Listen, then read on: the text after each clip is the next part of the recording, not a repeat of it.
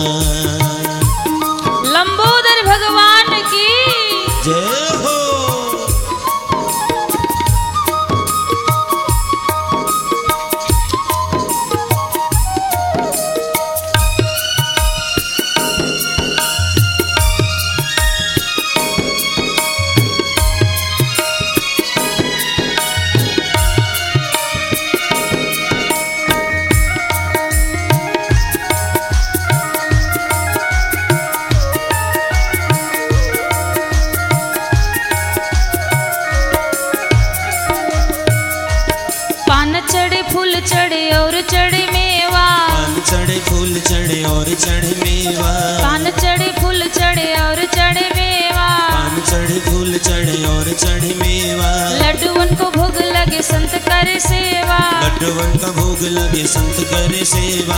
लड्डूवन को भोग लगे संत करे सेवा। लड्डुवन का भोग लगे संत करे सेवा। बोले बाबा झुलावे रेशम के पलना झूले माता के तेरे रेशम के झूलना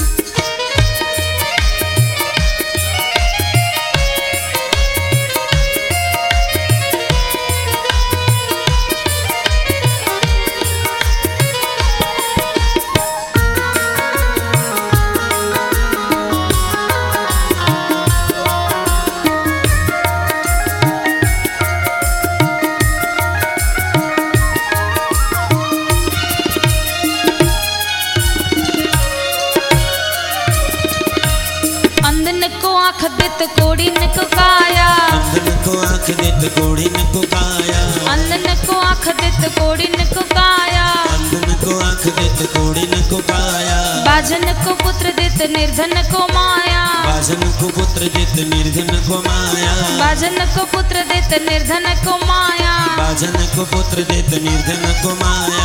भक्तों की विनती गणपति सुनना। भक्तों की विनती गणपति सुनता।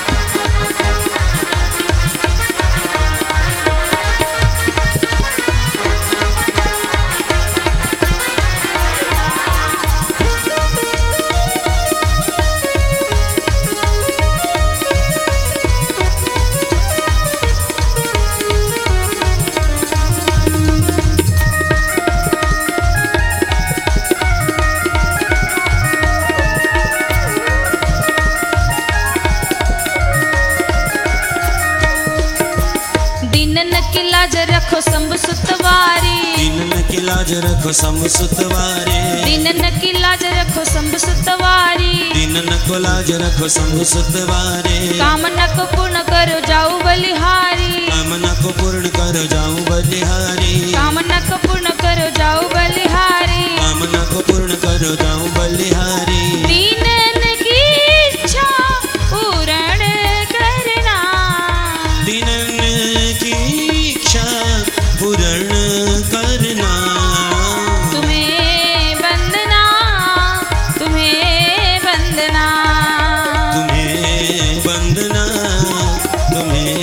वंदना तुम्हें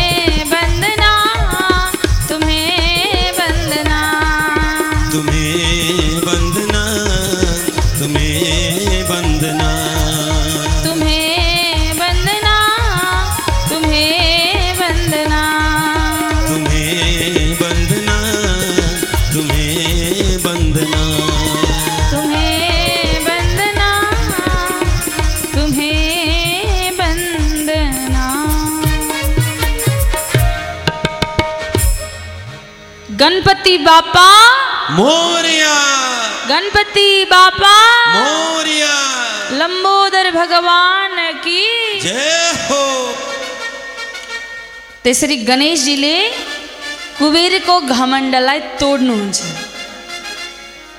कुबेरलाई बनाउने भगवान् शङ्कर अनि भगवान् शङ्करलाई नै गरेको अपमान पुत्र गणेशले सहनुहुन् अन्त्य गरिदिनुहुन्छ धनको घमण्ड। त्यही भएर जीवनमा नि भगवान्सँग प्रार्थना गर्नु प्रभु सब थोक दिनु घमण्ड चाहिँ दिँदै नदिनु। मलाई थाहा छ त्यो आयो कि हजुर तोड्न लागि परिहाल्नुहुन्छ। कसलाई कहाँबाट तल खसालिदिनु छ उसैलाई थाहा छ। कसलाई कति धन दिनु छ उसैलाई थाहा छ। कसलाई कति मान सम्मान इज्जत प्रतिष्ठा दिनु छ उसैलाई थाहा छ। यसकारण भगवान्सँग प्रार्थना गर्नु। अघि प्रसङ्गमा अघि प्रसङ्ग ब्रह्माजी सृष्टिलाई अगाडि बढाउनुहुन्छ। कामदेव प्रकट भए र रति महारानी जसको धुमधामसँग ब्रह्माजीले विवाह गराउनुहुन्छ। कामदेव जो भगवान् शङ्करलाई पनि काम बाण प्रहार गरेर साधनामा उनले बार बार दुःख दिएका थिए उनको पत्नी रत्तीसँग धुमधामसँग विवाह हुन्छ र अघि सन्ध्याको वर्णन गर्नुहुन्छ यहाँ सन्ध्या जो जन्म लिन साथ ब्रह्माकी पुत्री आज जन्म लिनुहुन्छ जन्म लिन साथ तपस्यामा लिन हुनुहुन्छ तपस्यामा लिन हुनुभयो र त्यो प्राणलाई त्याग गराउनुहुन्छ र पछि उनै सन्ध्या अर्को जन्ममा अरुन्धती भएर जन्म लिन्छन्। र अरुन्धती जो ऋषिकी पत्नी भएर रहन्छन् र अघि ब्रह्माको पुत्र दक्ष प्रजापतिको वर्णन आउँछ। सृष्टि विस्तारको लागि दक्षले ब्रह्माजीलाई अत्यन्तै ठुलो सहयोग गर्छन्। धेरैभन्दा धेरै सन्तान जन्माउँछन् तर नारदजी जानुहुन्छ र नारदजी के गर्नुहुन्छ हेर्नुहोस् है? ती जन्मिएका सन्तान जति सबैलाई सन्त बनाउनुहुन्छ। अब भए जति सबै सन्त भयो भने के हुन्छ? ल भन्नु त सृष्टि चल्छ। गृहस्थ हुनु पऱ्यो कि परेन? हेर्नुहोस् भगवान् राम आउनुभयो राम पनि गृहस्थी जानुभयो कि होइन? कृष्ण आउनुभयो कृष्ण पनि गृहस्थीमा जानुभयो। भगवान् आएर के सिकाउनुहुन्छ म भनौँ? भगवान्ले हाम्रो चार स्थान छन् अरे क्या? चारवटा आश्रम छन् अरे। एउटा गृहस्थ आश्रम अर्को ब्रह्मचर्य आश्रम अर्को वाण आश्रम र अर्को सन्यास आश्रम यी चारवटा आश्रम मध्ये सबैभन्दा प्रिय भगवान्लाई के लाग्छ थाहा छ? गृहस्थ आश्रम जुन हजुरहरू हुनुहुन्छ। गृहस्थमा बसेर भगवान् भन्नुहुन्छ "ज- गृहस्थमा बसेर जसले मेरो ध्यान गर्छ जसले मलाई पूजन गर्छ जसले मलाई स्मरण गर्छ त्योभन्दा प्यारो भक्त मलाई केही पनि छैन। कोही छैन। भला बिसौँ वर्ष जङ्गलमा गएर तपस्या गरेको भक्त किन नहोस्? तर गृहस्थमा आफ्नो सन्तान छोरा छोरी पति पत्नी घर परिवार सम्हालेर जो भगवान्लाई स्मरण गर्छ नि त्यो भगवान्को प्रिय छ अरे बडो प्रिय छ। यस कारण हजुरहरूलाई म अनुरोध गर्छु। भाग्यले गृहस्थीमा हुनुहुन्छ हो कि होइन? धेरैजना के भन्नुहुन्छ? माताजी हामी त गृहस्थीमा फसिहालेका छौँ अब कहाँ घरबाट घर घर घर गर्दा गर्दै भगवान्लाई कहिले फुर्सदै छैन। भगवान् भन्नुहुन्छ एक पटक सम्झ बस तर नित्य याद गर। एउटा नियम बनाऊ। मैले भन्ने गरेको छु नि हिजो पनि भने मैले बिहान उठ्ने बित्तिकै एकचोटि भगवान्लाई स्मरण गर्ने। भगवान्सँग प्रार्थना गर्ने एकचोटि कि भगवान् नयाँ दिन दिनुभयो धन्यवाद। एकचोटि याद भयो। दिनभरि काम गर्न जानु आउनुहोस् राति सुत्ने बेलामा भन्नुहोस् भगवान् दिनभरि जानी नजानी कति पाप गरेँ होला।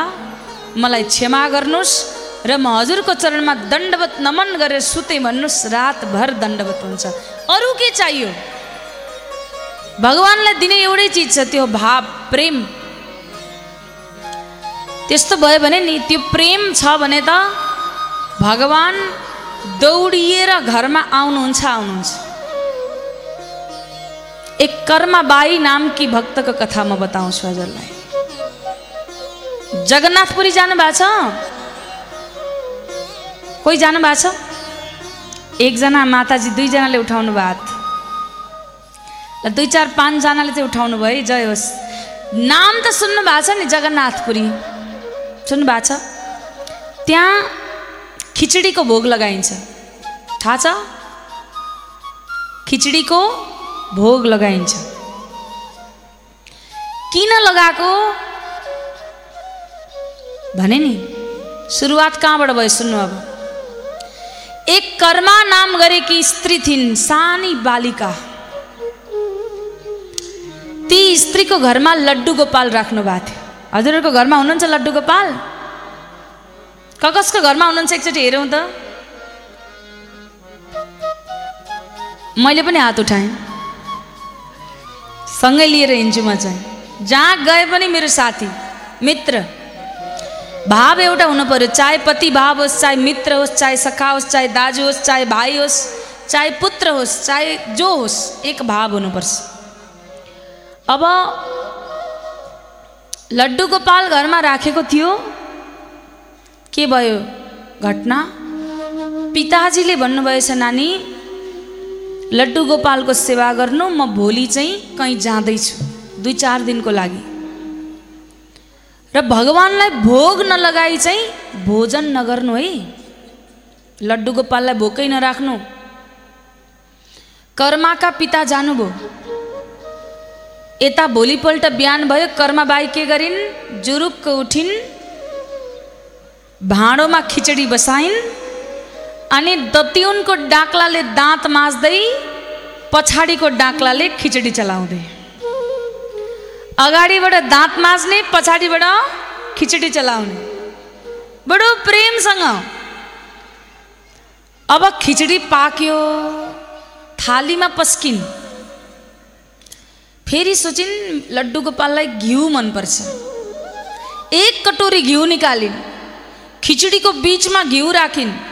अनि मेरो लड्डु गोपाल मैले खिचडी बनाएर ल्याएँ भन्दै लिएर गइन् माथि लगेर भगवान्को अगाडि राखेर पर्दा लगाइदिन्।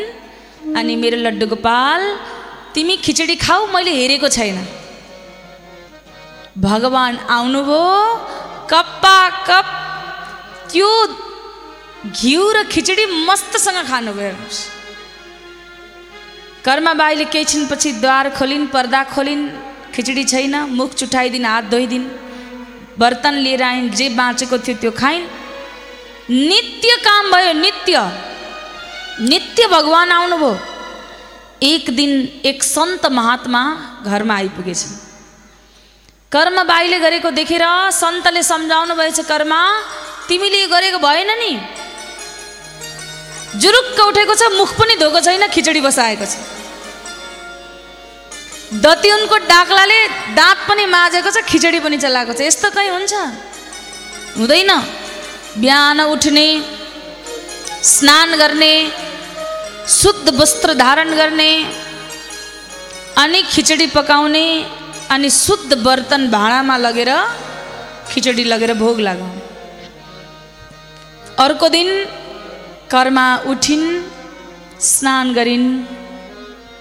खिचडी भाँडा धोइ पखाली गरेर शुद्ध बर्तनमा खिचडी बसालिन् पाक्यो अब खिचडी भगवान्लाई भोग लगाउन लिएर गइन् पर्दा लगाइन् भगवान् भोजन गर्न आउनु भएन कर्मलाई लाग्यो आज मैले मिठो बनाइनछु म फेरि पकाएर ल्याउँछु फेरि गइन् फेरि भोजन बनाइन् फेरि कटोरीमा घी राखिन् लगेर भोग लगाइन् भगवान् फेरि पनि आउनु भएन बिहानबाट साँझ भयो कर्माको आँखाबाट बरबर आँसु झऱ्यो मेरो पिताजीले मलाई भन्नुभएको छ भगवान्लाई भोग नलाई नखानु अब आज भगवान्ले भोगै लाग्नु भएन म के खानु म खाँदिनँ जबसम्म मेरो भगवान् आएर खानुहुन्न तबसम्म म यो भोजन खानेवाला छैन। रात्रिको समय भयो। जुन सन्तले आएर कर्मालाई सिकाएर गए त्यो सन्तको स्वप्नमा भगवान् आउनुहुन्छ। सपनामा गएर भन्नुहुन्छ तिमीले त्यो कर्मालाई के सिकाएर आयो? जुन प्रेमले मलाई भोजन बनाएर खुवाउँथी त्यो प्रेम त कहाँ गयो कहाँ गयो? बिहान उठ्छे। म शुद्ध पो छु कि छुइनँ भनेर आफूमा ध्यान दिन्छे। भोजन बनाउँछे मेरो याद छैन भाँडा शुद्ध छ कि छैन भोजन बर्तनमा उसको ध्यान छ ममा प्रेम छैन। र त्यो प्रेम बिनाको भोजन मलाई स्वीकार्य पनि छैन। आज सन्त समक्ष भगवान्ले यसरी भन्नुभयो भोलिपल्ट बिहान सन्त दौडी दौडी गए कर्माको चरणमा गएर दण्डवत गरेर भन्छन् धन्य हो कर्मा तेरो कारणले राति सपनामा भए पनि मैले भगवान्को दर्शन पाएँ धन्य होस् त सपनामा भए पनि भगवान्को दर्शन पाएँ मैले आज त जुन प्रकारले भोजन बनाएर खुवाउँथिस् नि भगवान्लाई त्यही प्रकारले भोजन बनाएर खुवा भगवान् आउनुहुन्छ कर्मा उठिन् सोही प्रकार प्रेम भावको साथमा खिचडी बनाएर भगवान्लाई भोग लगाएको भगवान् फेरि आएर पान गर्नुभयो। त्यति बेला कर्माका बाबा टुप्लुक्कै आइपुग्नुहुन्छ। कर्मा घरमा आएर भगवान्ले लड्डु गोपालले भोजन गरेको थाहा पाउने बित्तिकै कर्माका बाबा गदगद भएर आँखाबाट आश्रु प्रवाह गर्न थाल्नुभयो। धन्य हुँ म।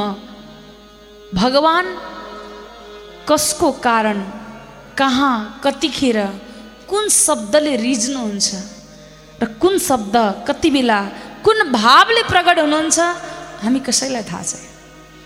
भगवान् चाहनुहुन्छ अरे मेरो भक्तले मलाई पुकारोस् प्रेम होस् निस्वार्थ भक्ति होस् तर भक्तले भगवान्लाई पुकार्ने समय नै छैन।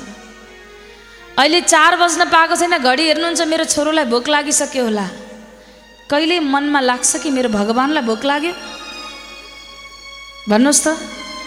कहिले मनमा आउँछ?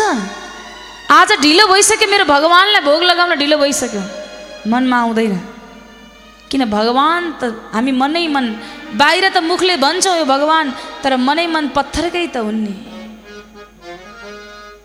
त्यो भाव छ कि?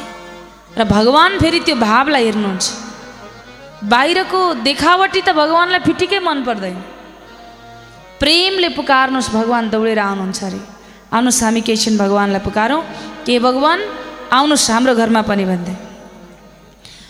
हाम्रो घरमा आऊ है कनैया को को चाहनुहुन्छ? भगवान् आउनुहोस् ल भन्नु त। उठेर नाच्नु पर्यो त्यसो भए। ल त। भगवान्लाई बोलाउने अनि बसी बसी बोलाएर हुन्छ? ल आनन्द लिनुहोस् है। हाम्रो घरमा है कनैया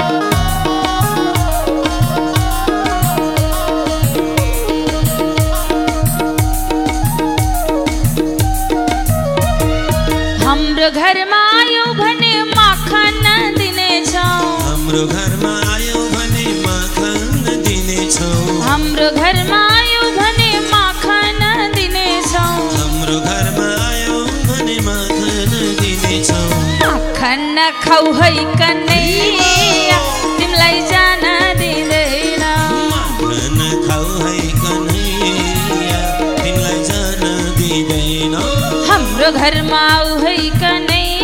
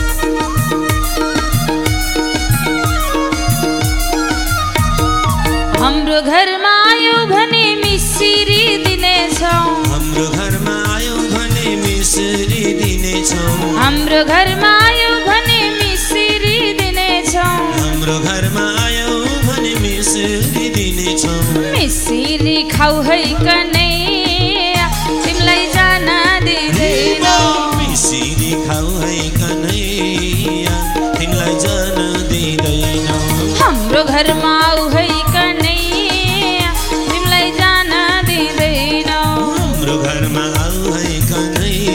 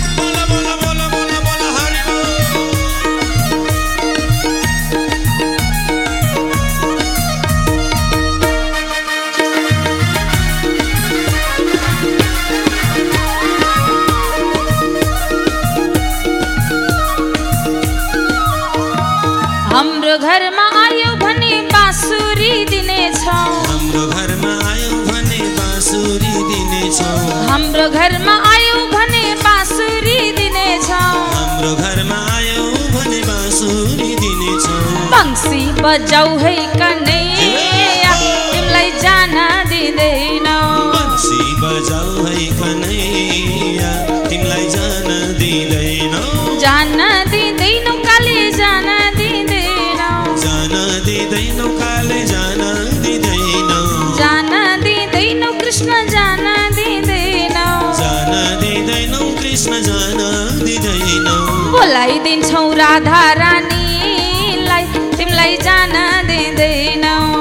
घरमा आऊ है कन्हैया तिमीलाई जान दिँदैनौ।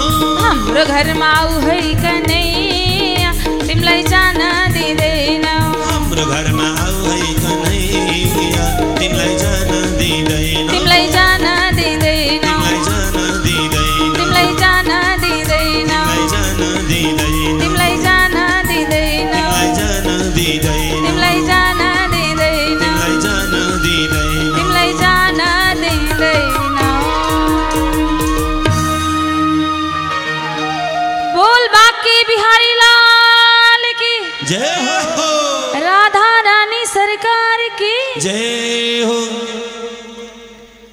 भगवान्सँग प्रार्थना गरौँ कि प्रभु हाम्रो घरमा पनि एकचोटि आइदिनुहोस् भन्दै त्यहीँदेखि जगन्नाथपुरीमा खिचडी भोग लगाउने चलन प्रारम्भ भएको छ। र अघि यसरी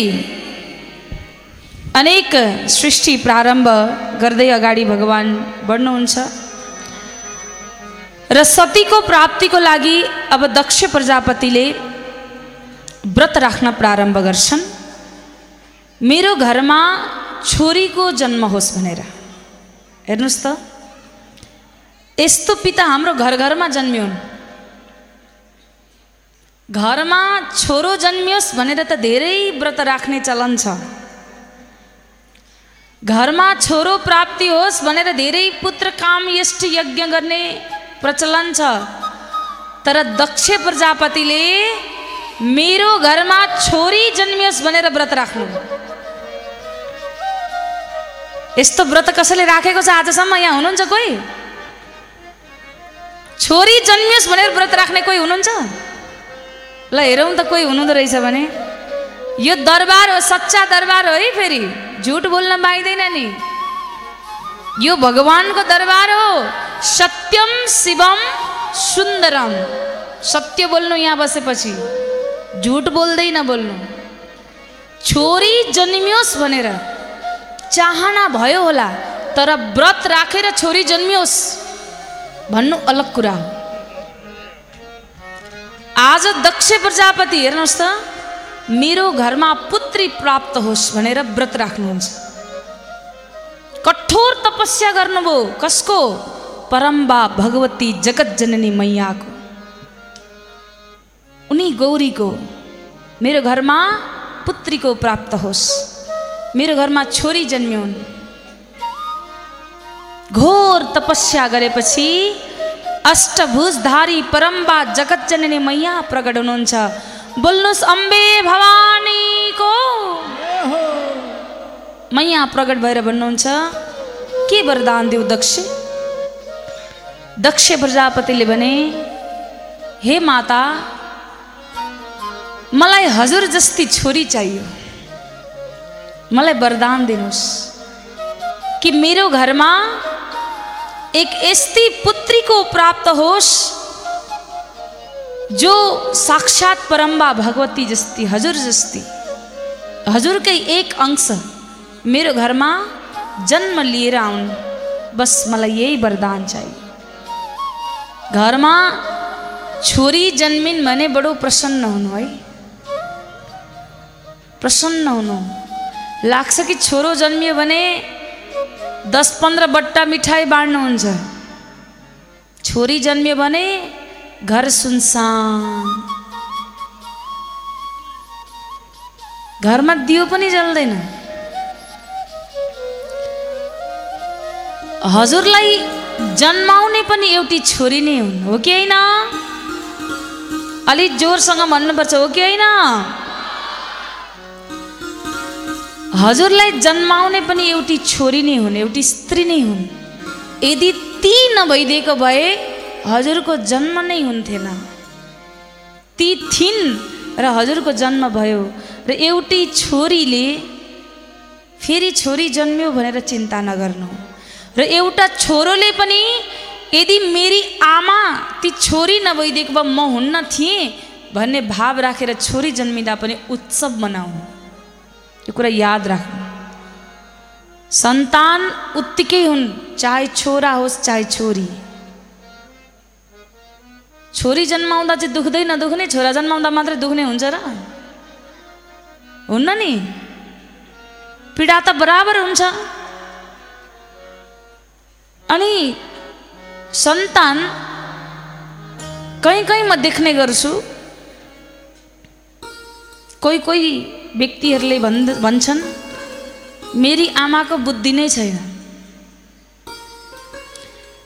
त्यही आमाको गर्भमा त्यही आमाको रगतको डल्ला भएर बसेर त्यही आमाको गर्भबाट जन्मिएको सन्तानले त्यही आमाको स्तनपान गरेर त्यही आमाले यो संसारमा बोल्न हिँड्न सिकाएको त्यही सन्तान भन्छ मेरो आमाको बुद्धि छैन। कति मूर्ख होला? कल्पना गर्नुहोस् त ती नभइदिएको भए यो प्राण त्यति बेलै उड्थ्यो। ती थिइन् र जसले आफ्नो प्राणको बाजी राखेर आफ्नो सन्तानलाई अगाडि बढाए आज घरमा भएका बाबाआमा जो हुनुहुन्छ नि भगवान् सर हुनुहुन्छ है र घरमा एउटा कारण यो पनि हो छोरी नजन्मियोस् भन्ने एउटा कारण दाइजो प्रथा पनि हो। र यो प्रथाको अन्त्य हुनैपर्छ कानुन भन्छ दाइजो लिने र दिने दुइटै के हुन्? दुइटै दोषी हुन्। कानुन भन्छ अनि हाम्रो शास्त्र पनि भन्छ कि दाइजो दिएर बिहे गर्नु भनेको छैन कहीँ पनि। बाबाले सो इच्छाले दिनुभयो त्यो अलग कुरा हो। तर दिएर बिहे गर्नुपर्छ यति लाख दे अनि गर्छु भन्नु त्यो किनबेच गरे जस्तो मान्छे मान्छेलाई किनबेच गरे जस्तो त्यो चाहिँ एकदमै ठिक छैन है। त्यसलाई हटाइहाल्नु। हटाउनु तर समाजमा हट्दैन भन्नुहुन्छ। सुरुवात आफूबाट गर्नु। एउटा विवाहको आयोजना गर्दा तिन हजार पाँच हजार मान्छेलाई खुवाउनुहुन्छ। ती पाँच हजार मान्छेले नि पाँच दिनमै बिर्सिन्छन्। हो कि होइन? तपाईँलाई जब आपत पर्छ ती पाँच हजारले पर बसेर हेर्ने मात्रै हो। पर बसेर हेर्ने मात्रै हो। तमासा खाना पाइरहेकोलाई खुवाउनुहोस् त्यसले प्रसन्न हुँदैन कि? एउटा भोकोलाई खुवाएर हेर्नुहोस् त जीवनभर आशीर्वाद दिन्छ जीवनभर सम्झिन्छ। यो हामी मनुष्यको स्वभावै त्यस्तै छ। हजुरलाई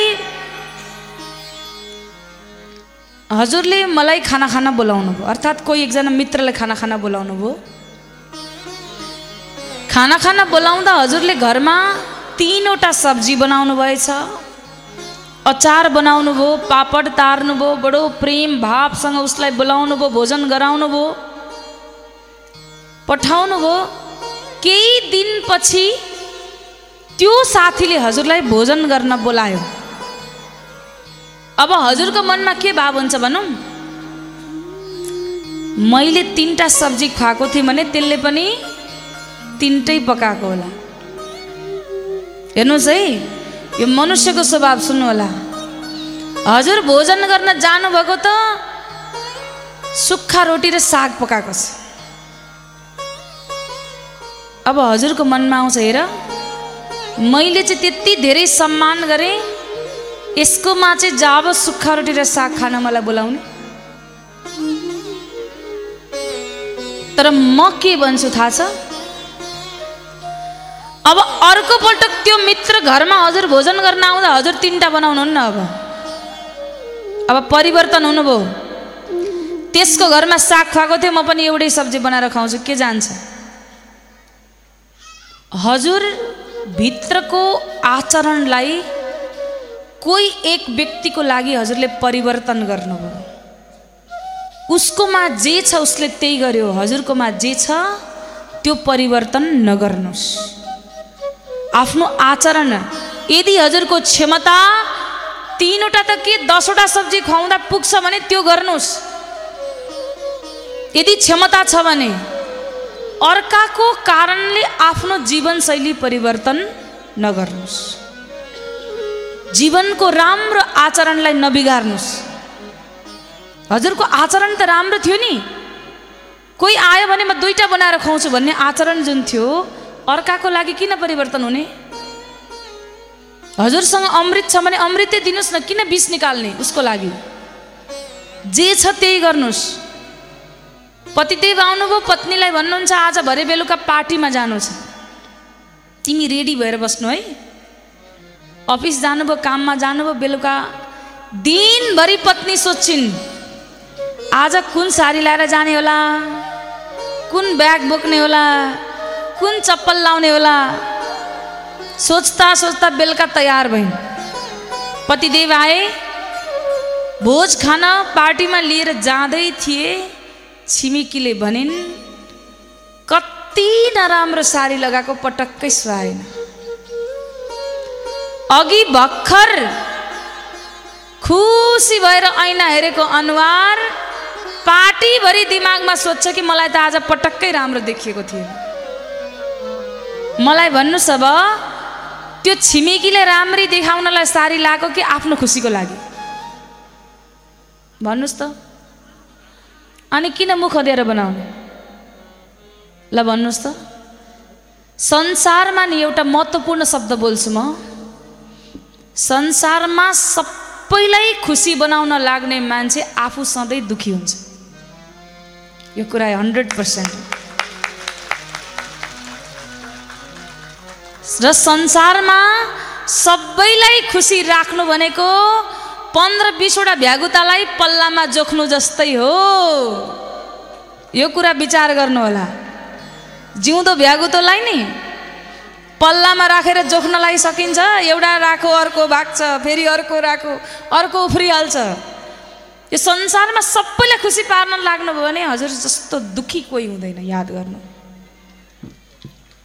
आनन्द कन्द भगवानको त्यही भएर भगवान्कै भजन गर्नु है आनन्द लिनु।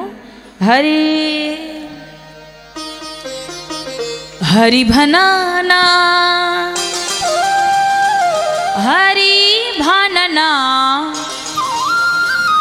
छैनन् हरि बानमा भित्री मनमा। हरि भनन। हरि भनन।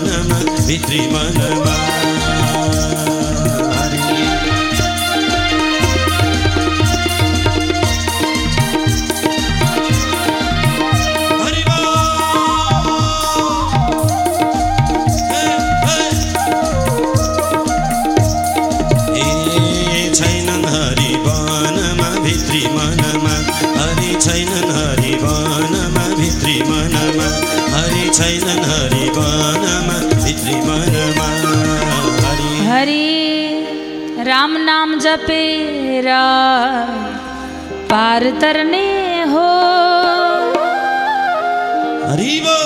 जिन्दगीको भर छैन कहिले मर्ने हो। राम नाम जपेर पार तरने हो। जिन्दगीको भर छैन।